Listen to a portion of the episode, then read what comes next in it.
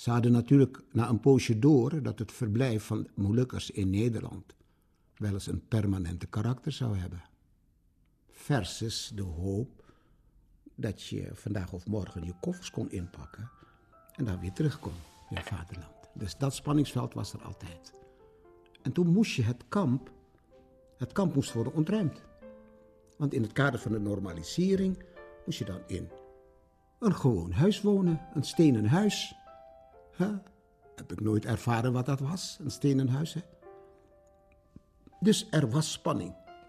Wij gaan niet weg, want wij zijn een volk dat beloofd was om terug te gaan. Dus zijn wij een volk dat nog onderweg is.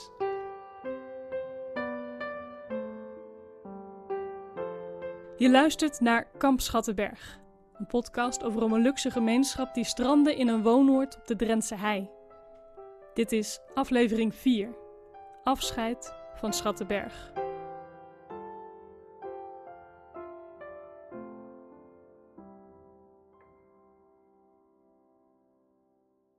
In het kamp had je zo'n hele, uh, had je een sirene. Dat geluid ging de hele dag.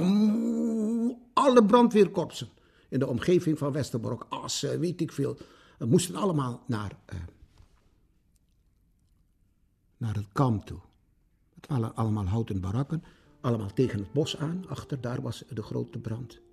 De brand die in 1958 drie barakken in de as legde, had grote gevolgen. Het werd pijnlijk duidelijk dat de leefomstandigheden in Schattenberg slecht waren. Steeds meer mensen verlieten het kamp. In de vorige aflevering hoorde je mijn zus Mietje vertellen dat ook mijn vader dat besluit nam. Weet je, mensen uit het oosten die zijn heel erg gevoelig als het gaat om energie. Ja, er werden verhalen verteld dat ze Joden zagen bij de verwarmingsbuizen, het beeld, hè, spoken en dat soort dingen. Dat, dat werkt ook door op de kinderen. En ja, die negatieve energie. Dus uh, toen heeft mijn vader besloten om daar weg te gaan. En toen gingen we naar Vaassen. Ook een barakkenkamp. En daar werd ik geboren. De barakken worden nu bewoond door 100 Ambonezen. In de vijftiger jaren waren dat er enkele duizenden. Het onderhoud in Schattenberg liep terug en het verval en de verwaarlozing nam toe. In 1959 besloot de Nederlandse regering dat het tijd werd dat de Molukkers zouden verhuizen. Naar woonwijken. In bijvoorbeeld Smilde of Assen. Halverwege de jaren 60 was de grote uittocht. Ook de familie Toparia pakte hun spullen. Ze vertrokken naar Assen. Je hoort Augustinus. Omdat het kamp moest worden ontruimd, omdat ook de Nederlandse regering zoiets had van: dit wordt een permanente verblijf en niet een tijdelijk verblijf. Dus aan de ene kant um, het normalisatieproces, zeg maar.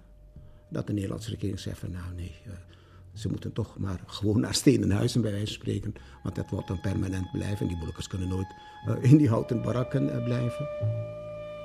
Het kamp is oud, verrot, verwaaid, verwaarloosd. Veel geld wordt er niet meer aan uitgegeven. Want al was dat onderkomen 18 jaar geleden al tijdelijk het einde is nu toch in zicht. Maar het duurt in ieder geval nog een paar jaar voordat Schattenberg verleden tijd is. Ik weet toen ik jaar of elf was, volgens mij 52, nou, 63. Volgens mij de, eer, de tweede lichting die naar Assen ging, geloof ik. Je hoort Orpa Gurgurem. Haar ouders legden haar uit waarom ze gingen verhuizen. Ja, alles is hier zo oud en uh, ja, we krijgen allemaal mooie nieuwe woningen. Dus we moeten blij zijn. Zeur niet. Zo, hartstikke mooi toch? Ja, dus in onze beleving was, ik had het beeld van die Molukkers die zich tegen verzetten. Dat had ik niet eens. Dat wist ik ook niet. Als kind kwam dat niet bij ons in beeld. Dus wij dachten van, goh, de barakken gaan plat. Het is er allemaal zo oud en vies. Dus we gaan allemaal naar mooie nieuwe huizen. Ja, dus wij gingen erop vooruit. In onze beleving. Ja. Maar het verhuizen bleek niet zo leuk als Orpa aanvankelijk dacht. Het allerergste vond ik dat onze, de vrienden van mijn moeder, waar wij vaak ondergebracht werden, moesten vaak op ons passen, als ze gingen dansen, die mensen die gingen naar Krimpen aan de IJssel verhuizen. En dat vond ik zo erg, want het was zo ver weg. Het waren zulke lieve mensen. Het was een gezin van twaalf kinderen. En die gaven om ons. Het waren onze broers en zussen op een of andere manier. Dat vond ik heel erg. Dus toen kwamen er allerlei leegtes in het kamp. En toen wij naar Assen gingen. Nou, als kind vind je dat heel leuk. En, uh, maar wat ik niet leuk vond was dat, ja, je had geen bos meer in de buurt. Je had geen omgeving waar je makkelijk kan bewegen. Het is allemaal heel netjes en hokkerig. En Orpa was niet de enige die Schattenberg miste. Je hoort met zus Michi. Heel veel groepen mensen hadden ook gewild dat ze daar die nieuwe wijk hadden opgezet, maar dat kon niet vanwege de sterrenwacht. De slechte woonomstandigheden waren dus niet de enige reden waarom de Molukkers moesten vertrekken. De locatie van woonoord Schattenberg kreeg een nieuwe functie. Er werden radiotelescopen gebouwd. En om storing te voorkomen moest de bebouwing binnen twee kilometer van de radiotelescopen worden afgebroken. Dus ook het woonoord. De laatste Molukkers verlieten begin jaren 70 kamp Schattenberg. De vader van Charlie was één van hen. Mijn vader is in 70 als de laatste. Ja, het kapitein van, verlaat altijd zijn schip als laatste. Zo was mijn vader ook. De vader van Charlie vertrok uiteindelijk naar Smilde. En Charlie, die inmiddels zelf getrouwd was, volgde zijn voorbeeld. Toen ik in Schattenberg woonde, heb ik dus ook uh, wooncoöperatie hier gebeld in Assen. Of ik een woning kon krijgen. Op grond van mijn, de grootte van mijn gezin. Ik had uh, maar één, nog één dochter. Kon ik dus in een flat wonen. Nou, dat vond ik niks. Ik, ik ben uh,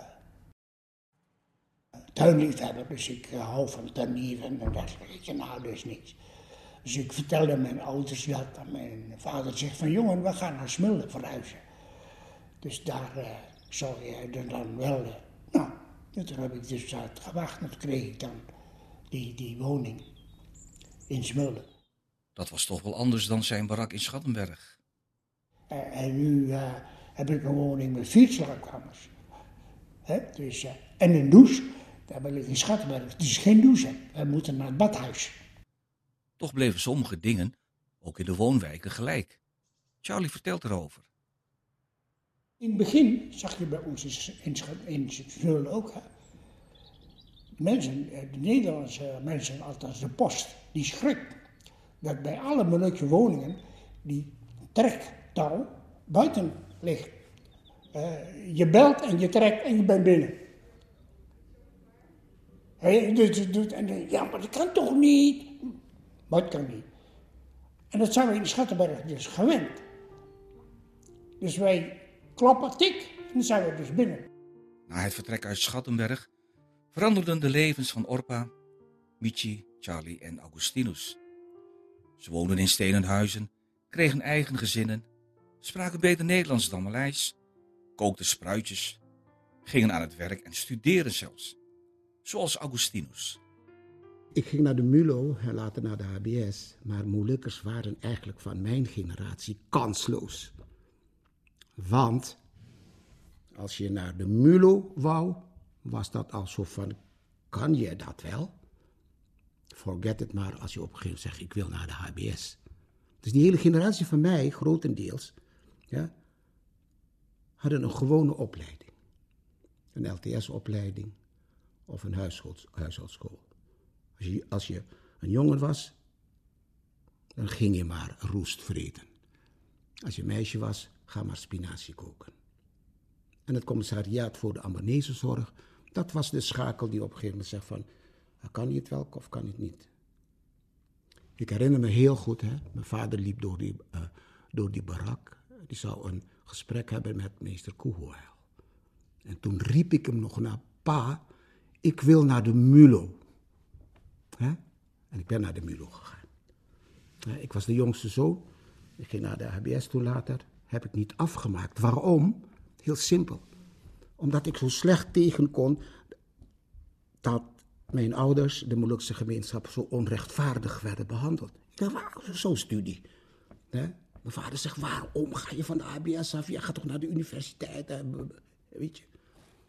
Maar later leven heb ik dat een beetje gecorrigeerd. Hè? Want ik was het eerste moeilijkste statenlid in de Drentse Staten. Bij de tweede generatie kwam meer en meer het besef dat het verblijf in Nederland niet tijdelijk is. De Molukken, of voor onze Maluku, leeft voor hen verder weg dan ooit. En op een keer kreeg mijn vader een brief vanuit Indonesië. Daar werd medegedeeld dat zijn moeder is overleden. En hij zat op bed en, en hij huilde ook. Wij vroegen hem, wat is er aan de hand? Ja, oma is overleden. Maar daar hadden we niks mee. Als ik nu terugdenk, oh god, wat een totaal andere wereld, hè. Wij, wij konden niks met hun delen.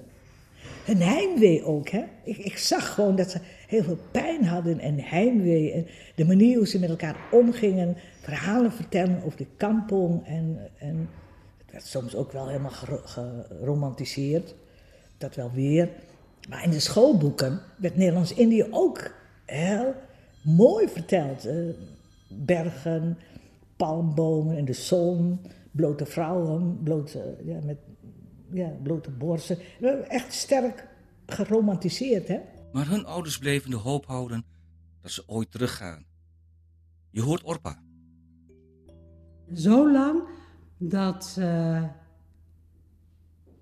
toen wij in Assen kwamen wonen, toen hadden mijn vader nog steeds zo van Ga maar gewoon naar de huishoudschool. Ik ben dus naar de huishoudschool gegaan. Waarom?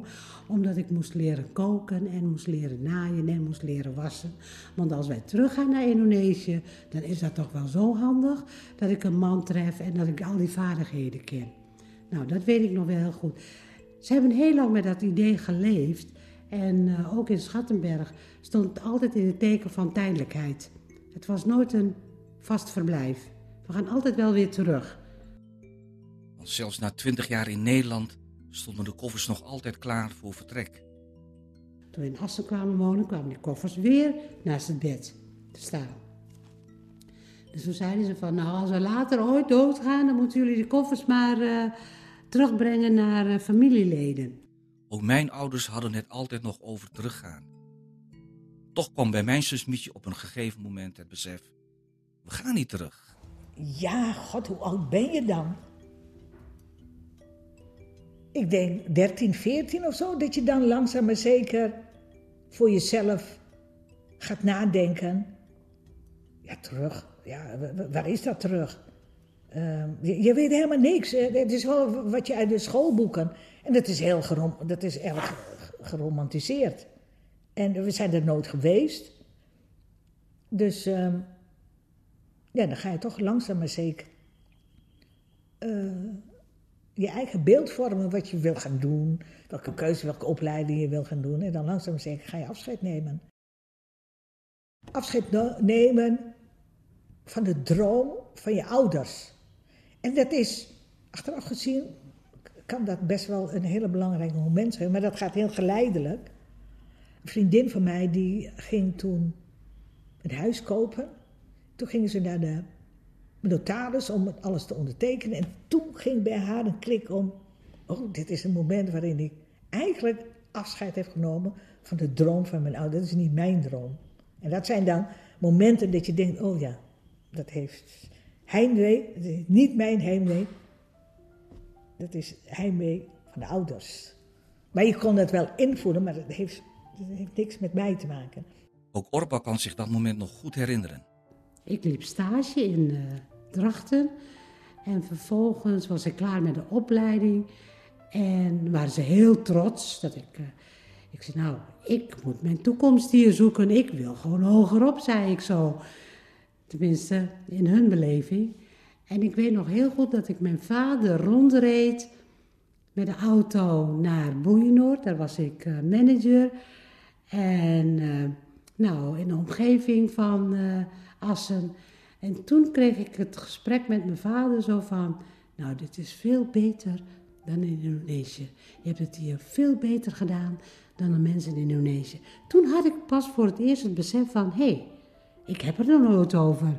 En het besef was er ook niet, maar toen hoorde ik van mijn vader zelfs al van, ja, Met andere woorden, ik ben blij dat ik hier ben gebleven. Zoiets. Zo heb ik het vertaald. Maar de koffers gingen uiteindelijk wel terug.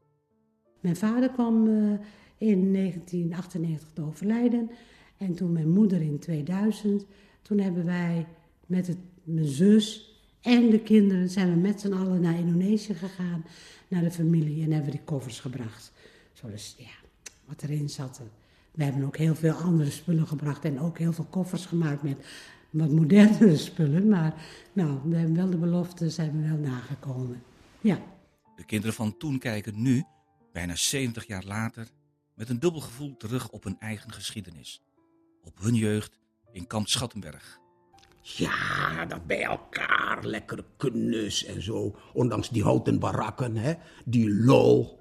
Het werd allemaal opeens wat zakelijker.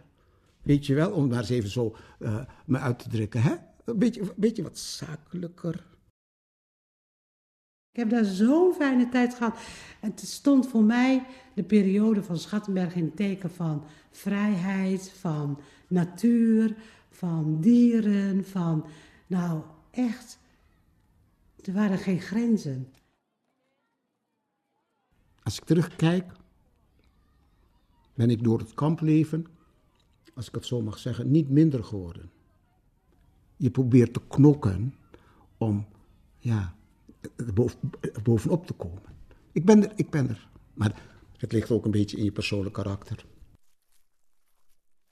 Schattenberg waren wij uh, één.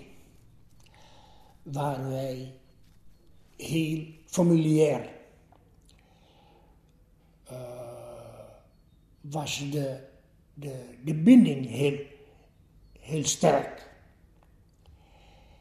En toen wij eigenlijk in de, in de wijk wonen, toen hebben wij eigenlijk, althans de, de, de, de Molukse gewoontes is uh, geworden. Is dus verbasterd. Toen heeft ook de Molukker meer een individuele houding aangenomen. Onze buren, onze vriendinnen, die, die gingen mee. Maar wel, ik mis, wat ik wel mis, is toch wel die saamhorigheid. Uh, ik ben door iemand van uh, totaal ander barak. Dat was een tante van ons. Die heeft me leren fietsen, bijvoorbeeld. Uh, en daarbij aan de andere kant leren zwemmen. Zo, zo, zo leer je van elkaar. Ja. Dus je ouders hoeven niet aan te leren. Je leert het gewoon van de buren. Dat, dat, is heel mooi. Dat, dat mis ik. De, warmte en, en je had niks ja, je had uh, alleen elkaar. En dat is wel, uh, ja. Het is niet dat ik met pijn terug, nee, helemaal niet. Maar wel die, zeg maar, de onrecht. En, en wat, wat hebben jullie onze ouders aangedaan? Van hoe, waarom ga je een groep verplaatsen en dan bij aankomst zeggen ontslag? Had je niet beter kunnen nadenken? Hè? Dat soort dingen. Ik hoop, voordat ik mijn ogen sluit, hè, als tweede generatie. Mijn ouders leven niet meer. Als ik daarover praat, dan word ik een beetje emotioneel. sorry. Maar dan hoop ik echt een keer dat ze zeggen: wij bieden onze excuses aan wat we de Nederlands, wat we de moeilijkste gemeenschap hebben aangedaan. Dat hebben ze nog nooit gedaan. En werkelijk waar, ik hoop, voordat ik mijn uh, ogen sluit, dat Nederland een keertje zijn fouten erkent. Want als ik zie het verdriet wat mijn ouders hebben uh, uh, gehad, hè, dan kon je dat aan de gezichten aflezen. Het verblijf in het voormalig kamp Schattenberg was voor mij in een lach en een traan. Met een lach en een traan. Tatawa dan Tumpa Airmata. Je luisterde naar Kamp Schattenberg.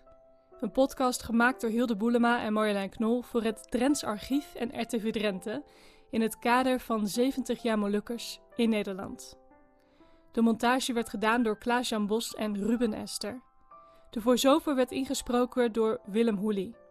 Met dank aan Michi Hoelie, Orpa Gurgurum, Charlie Saptenno, Augustine Stuparia, Betsy Aardema, Marga Renkema Schokker, Margriet van der Zee, Carlijn Donders, Mieke Geugies en Aan de andere kant. Deze podcast werd mede mogelijk gemaakt door de provincie Drenthe, Prins Bernhard Cultuurfonds en Emma Plein Foundation. Luisterde je graag naar deze podcast? Like hem dan in je favoriete podcast-app. Zo weten anderen hem ook beter te vinden. Het nummer dat je nu hoort is Thomas Majoutrous van Adak en Tangerine. Het was een lange rit aan dit moment. En we staan nu even stil voordat de trein weer verder trekt. Het was een lange weg, wie had dit ooit gedacht? Zo vaak verdwaald geweest en niemand wist hoe ver het was.